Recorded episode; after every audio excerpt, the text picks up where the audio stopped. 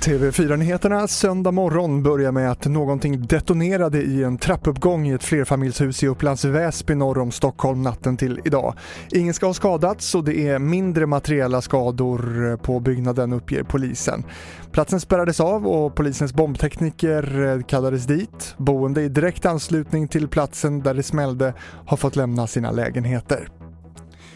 Nu på morgonen öppnar vallokalerna för kyrkovalet i Svenska kyrkan. Den som fyllt 16 år och är medlem har fått ett röstkort på posten.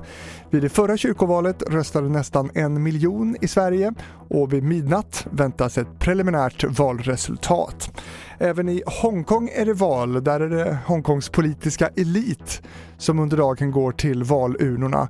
Några få tusen politiskt godkända personer ska inom det nya hårt kritiserade valsystemet se till att bara patrioter blir invalda i stadens lagstiftande församling.